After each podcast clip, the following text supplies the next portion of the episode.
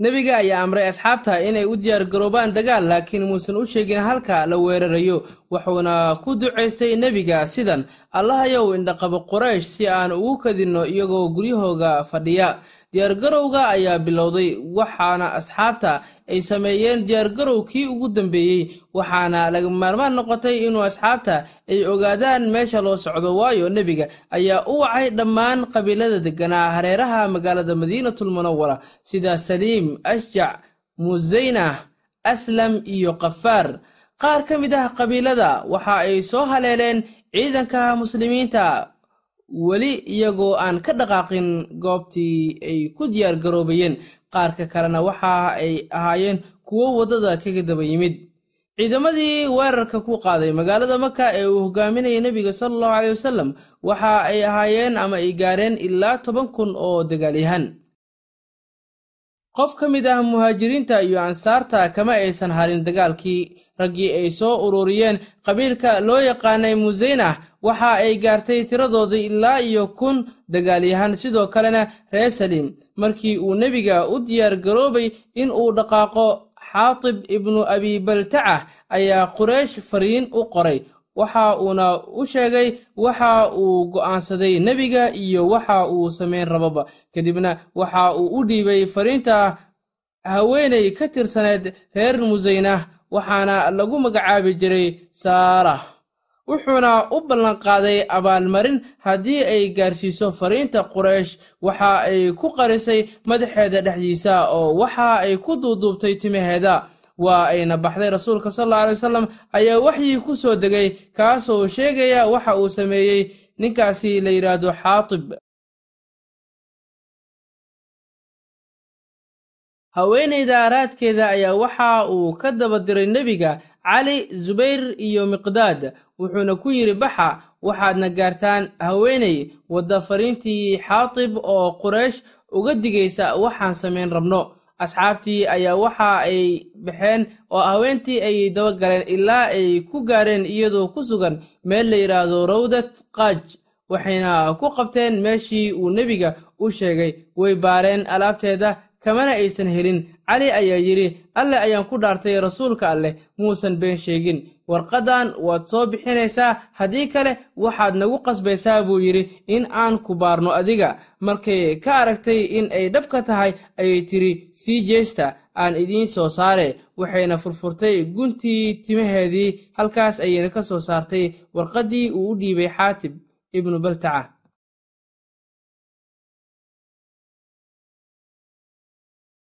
waxay u keeneen fariintii rasuulka sala allahu caleyh wasalam wuxuu u yeeray xaatib waxa uuna ku yidhi xaatibow maxaa kugu qasbay in aad sidaan samayso waxa uu ku jawaabay rasuulkii allow ha igu fududaanina aniga waxaan ahaa qof bahwadaag la ah quraysh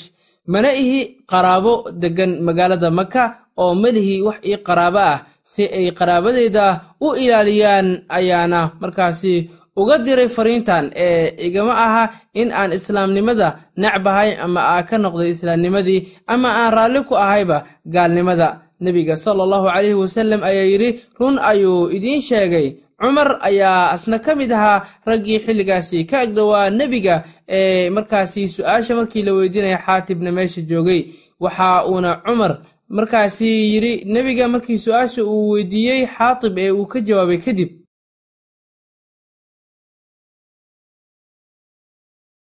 munaafiqan qoorta in aan ka jaro ii oggolow nebiga ayaa yidhi dagaalkii beder ayuu ka qayb galay maxaad ka og tahay in uu alleh fiiriyey qalbiyada dadkii ka qayb galay beder oo uu yidhi waxaad doontaan sameeya waan idiin dembidhaafay kadibna waxaa soo degtay aayadahani qur-aanka ah yaa ayuha aladiina aamanuu laa tattakhiduu caduwii wa caduwakum wliyaa'a tulquuna ilayhim bilmawadda waqad kafaruu bima jaa'akum min alxaqi yukhrijuuna alrasuula wa iyaakum أن تؤمنوا بالله ربكم إن كنتم خرجتم جهادا في سبيلي وابتغاء مرضاتي تسرون إليهم بالمودة وأنا أعلم بما أخفيتم وما أعلنتم ومن يفعله منكم فقد ضل سواء السبيل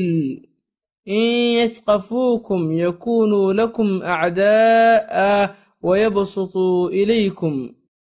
إن يثقفوكم يكونوا لكم أعداء ويبسطوا إليكم أيديهم وألسنتهم بالسوء وودوا لو تكفرون لا تنفعكم أرحامكم ولا أولادكم يوم القيامة يفصل بينكم والله بما تعملون بصير قد كانت لكم أسوة حسنة في إبراهيم والذين معه إذ قالوا لقومهم إنا براء منكم ومما تعبدون من دون الله كفرنا بكم وبدا بيننا وبينكم العداوة والبغضاء أبدا حتى تؤمنوا بالله وحده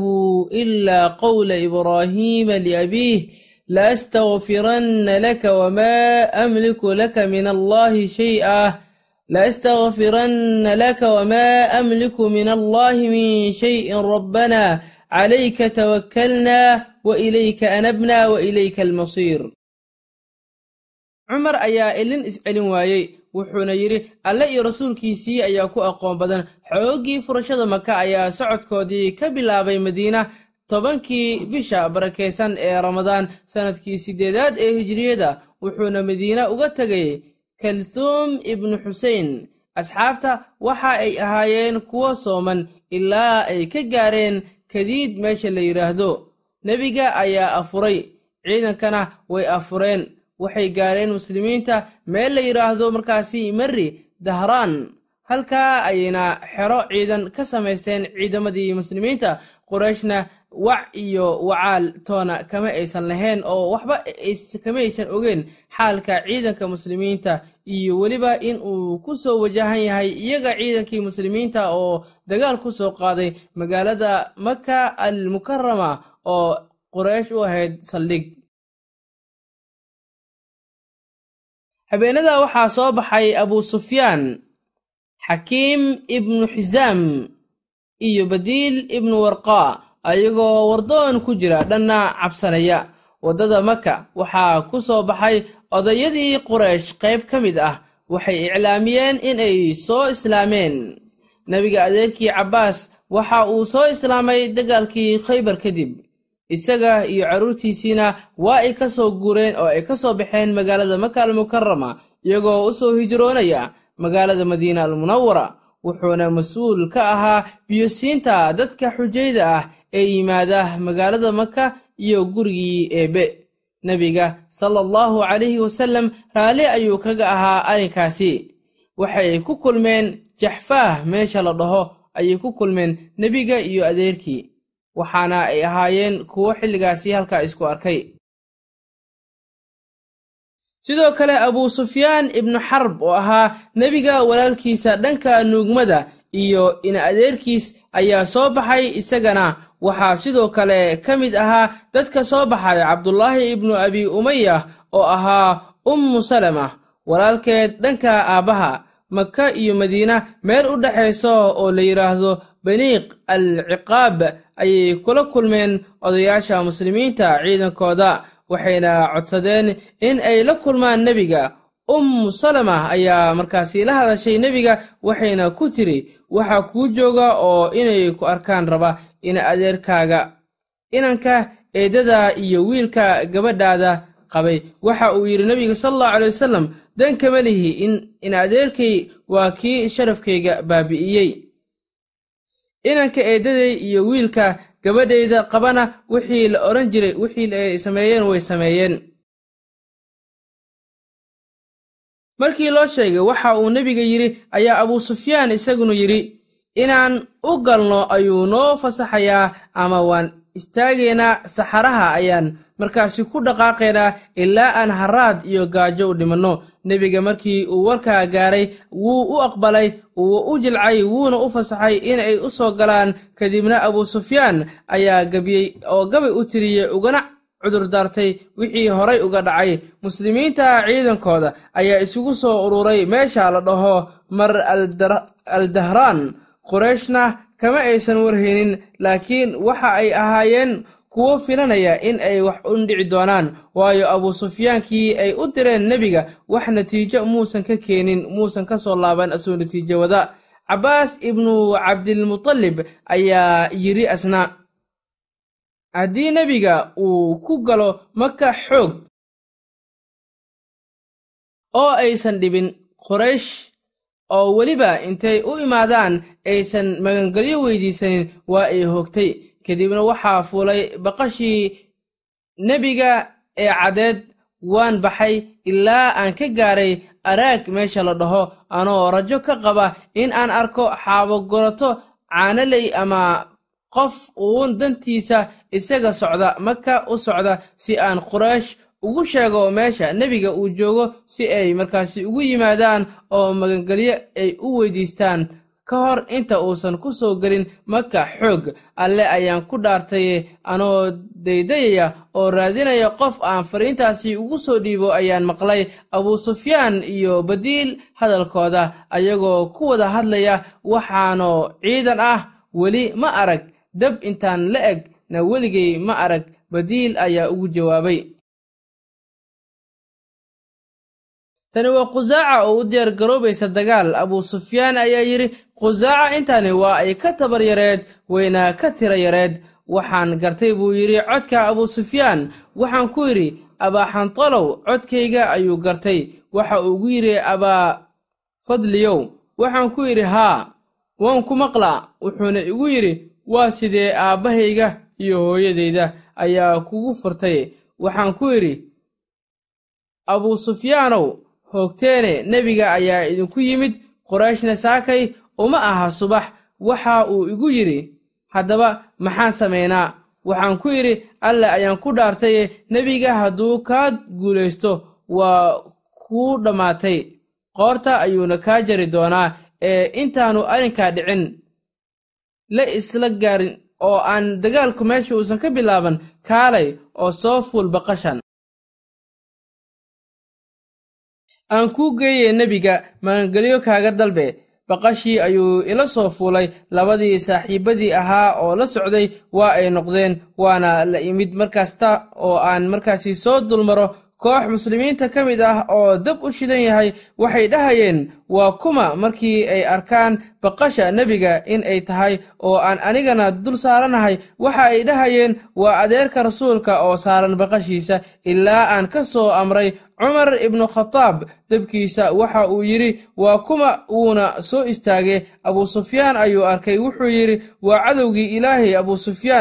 alle ayaan mahad iska leh dhibla'aan inoo soo gacan geliyey markaas soo baxay isagoo raba in uu u jiido dhanka nebiga laakiin baqasha ayaa booday oo carartay xilligii uu damcay in uu dhanka si nebiga u jiido baqashii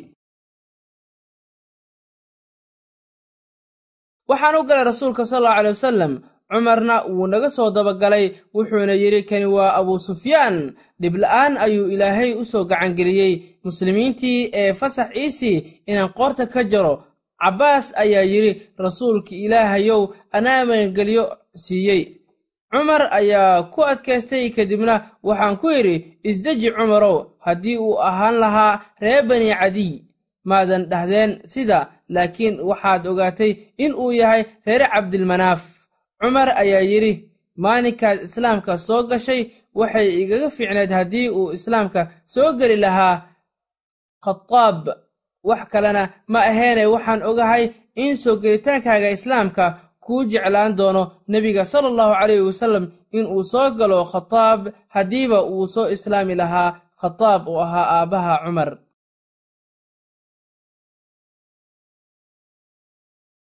nebiga ayaa yidhi cabbaas oo abuu sufyaan adiga kula seexdo caawa subaxii ii keen habeenkii aniga ayuu ila seexday subaxii markii la gaarayna waxaan u geeyey buu yidhi rasuulkii alleh sala allahu caleyhi wasalem markii uu arkay nebiga ayuu ku yidhi abuu sufyaanow lama gaarin miyaa xilligaad ogaan lahayd in allah xaq lagu caabudo mooye alle kale uusan jirin abuu sufyaan ayaa yidhi adiga ayaa aabbahay iyo hooyadayba ah alle dulqaad badanida wanaagsanidaa oo qaraabo xiriirin badanidaa haddii alle midaan ahayn uu jiri lahaa wax in uu ii tarayaana u malayn ma lahayn waxa uu ku yidhi nebiga sala allahu caleyhi wasalam abuu sufyaanow lama gaarin miyaa xilligaad garan lahayd inaan ahay rasuulkii alleh sala allahu caleyhi wasalem su waxay ahayd su'aashii labaad oo uu weydiiyey nebiga sala allahu caleyhi wasalem abuu sufyaan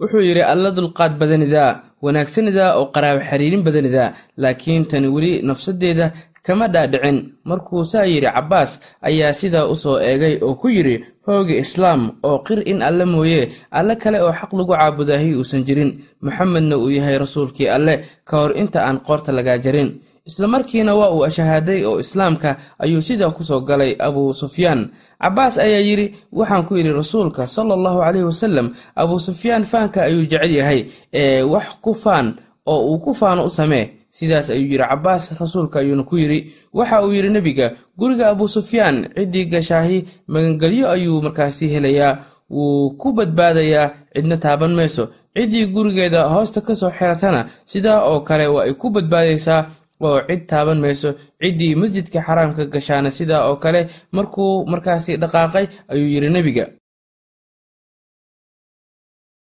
cabbaasow waxaad ku xirtaa biyo-xireenka toga si ay u arkaan ciidanka muslimiinta ee soo maraya waan baxay ilaa aan ka tegay meeshii markaasi lii diray oo aan kaga xiray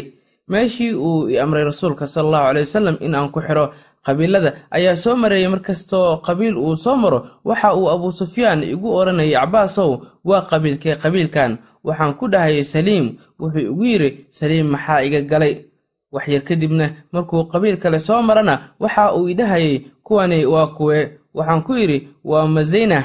ilaa qabiilada ay ka dhammaadaan qabiil kasta oo soo marana waa uu i weydiinayey markaan u sheegana waxa uu dhahayay maxaa naga dhexeeya aniga iyo qabiilkaa aa ii sheegaysid ilaa uu ka soo maray rasuulka sala allahu calayhi wasallam oo qabiilo fara badan ayaa gudbay ka hor intaa uusan soo gaarin goobtaasi nebiga sala allahu caleyhi wasalam iyo unugtii la socotay ee uu hogaaminayey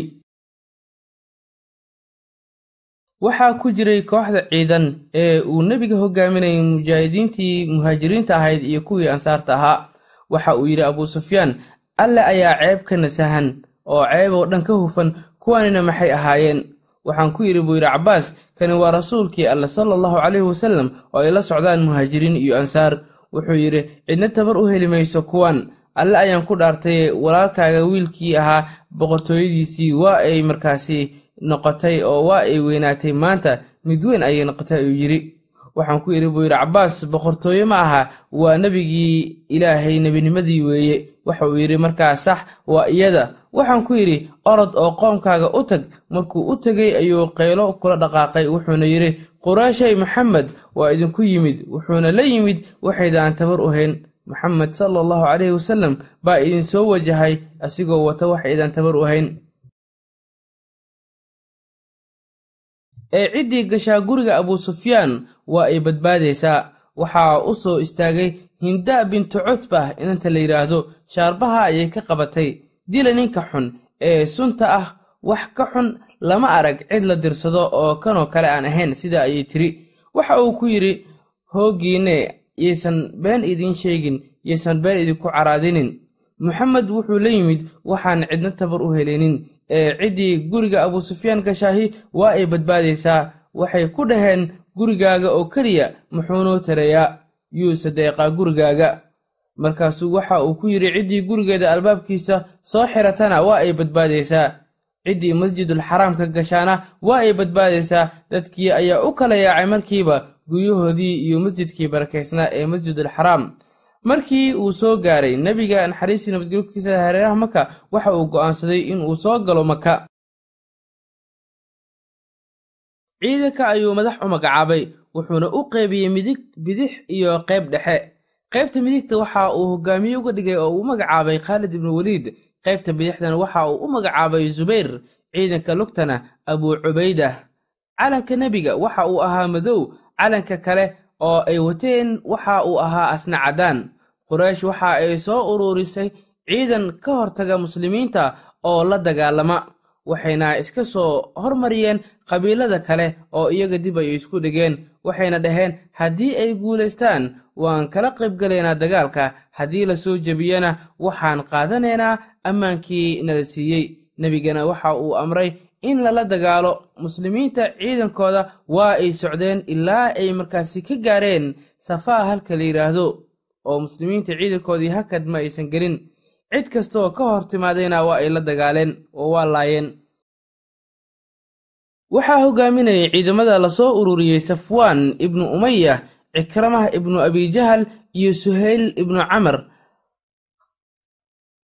qamdamah ayay markaasi u doorteen in ay ka dagaalamaan ciidamadaasi nebiga maka waxa uu ka soo galay dhanka sare kadaa meesha la yidhaahdo ayuuna ka yimid isigoo qushuucsan oo ilaahay markaasi ku mahadinaayo akhrinayana suuradda alfatx isagoo markaasi ku celcelinaya akhrinta suuradda alfatx ayuu galay ibnulweliid na waxa uu ka galay dhanka hoose dagaal ayuuna markaasi kala kulmay qoreysh dagaal markii uu marayey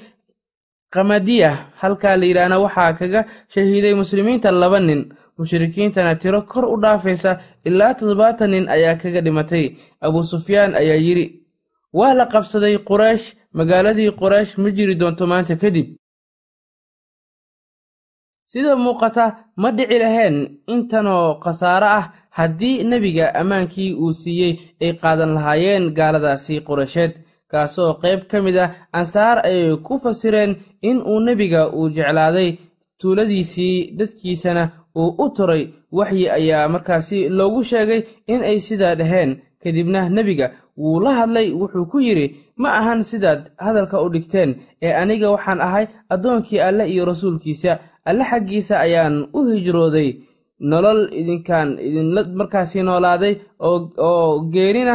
idinka meeshaad ku dhimanaysaan ayaan ku dhimanayaa ayuu yidhi nebiga markuu nebiga saa yidhi nebiga ayay u imaadeen iyagoo ooynaya oo aad u ooynaya waxaana dhahnay male unbaan naga keenay hadalkaa ee noo cudurdaar sida ay yidhaahdeen nimankii ansaareed nebiga ayaa ku yidhi alle iyo rasuulkiisa way idin cudurdaareen wayna idin rumeeyeen hadalkiina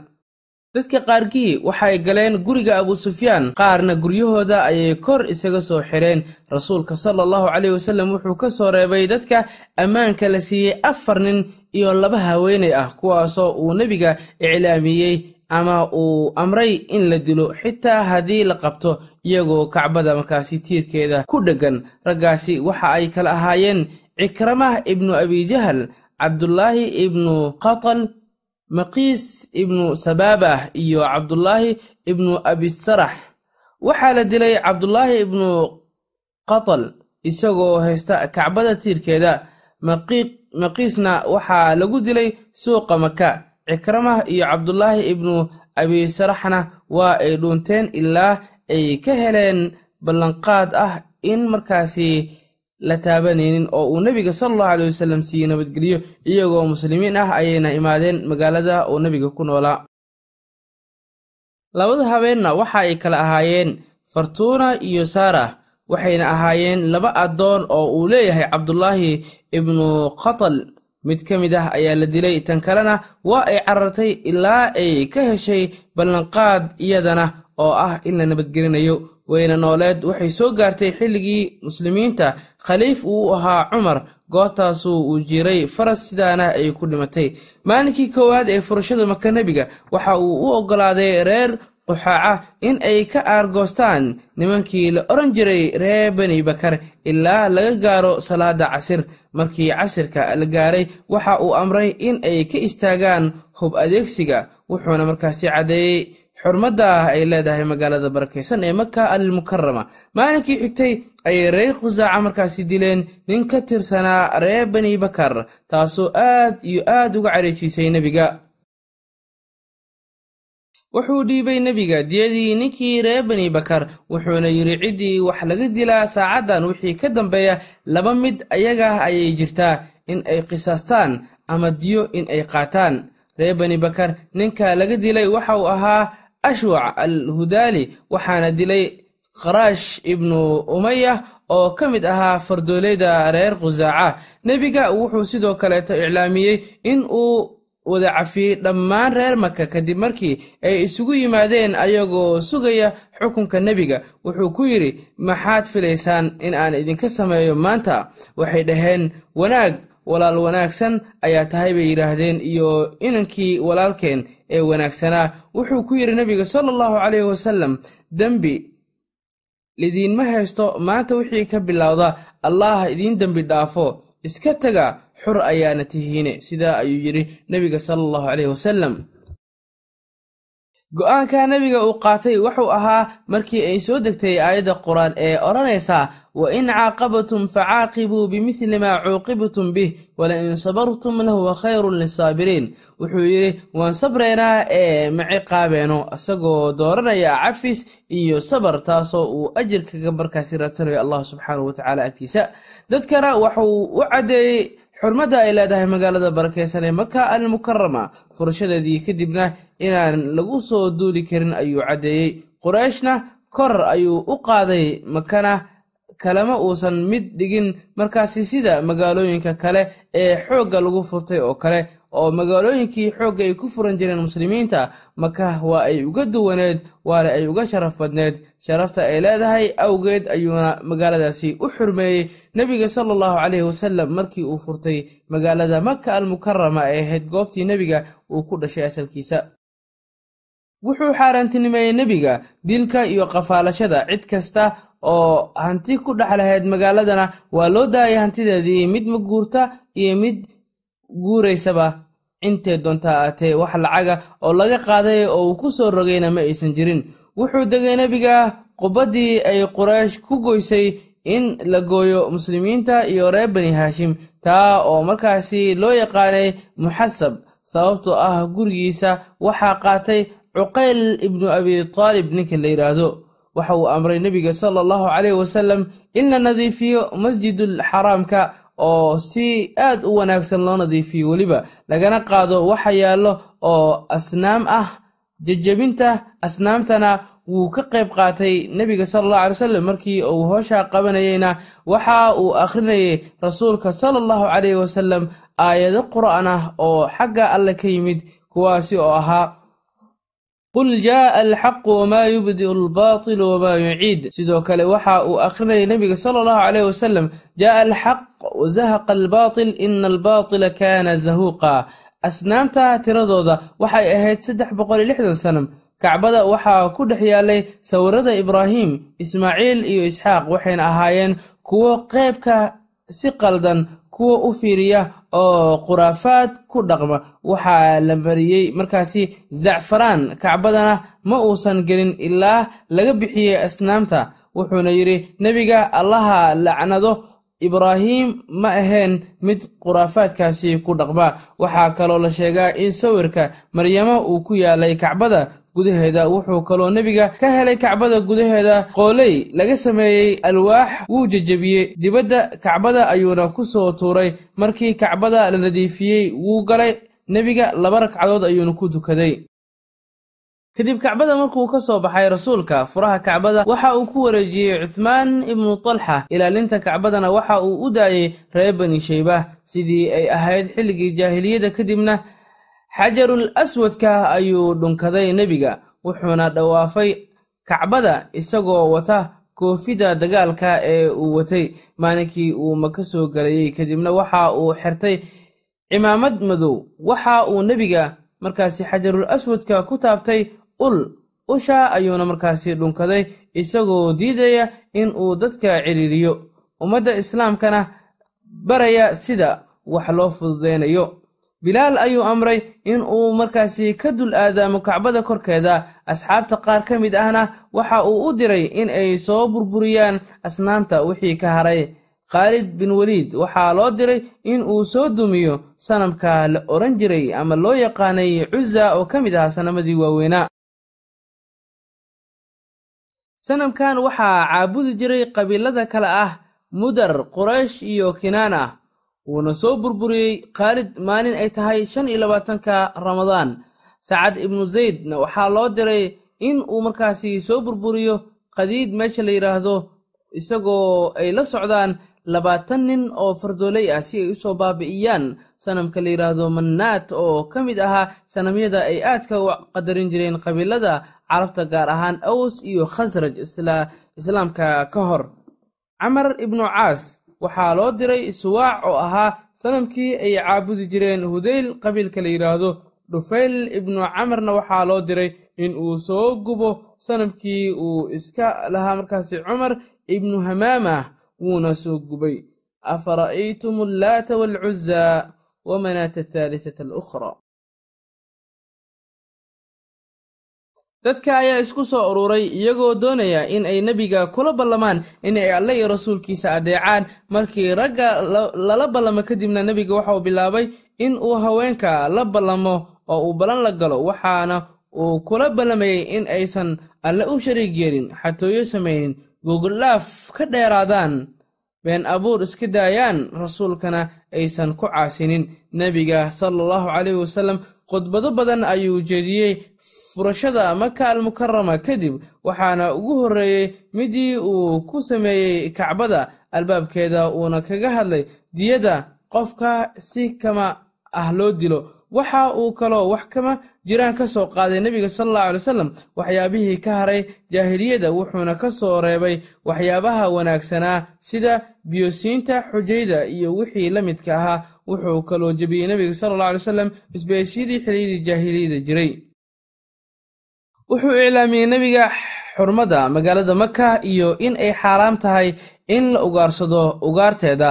in lagu dhex markaasi dagaalamo waxaana soo degay oo ilaah subxaanahu wa tacaala xaggiisa ka yimid aayadahan qur-aanka kariimka ah إذا جاء نصر الله والفتح ورأيت الناس يدخلون في دين الله أفواجا فسبح بحمد ربك واستغفر فسبح بحمد ربك واستغفره إنه كان توابا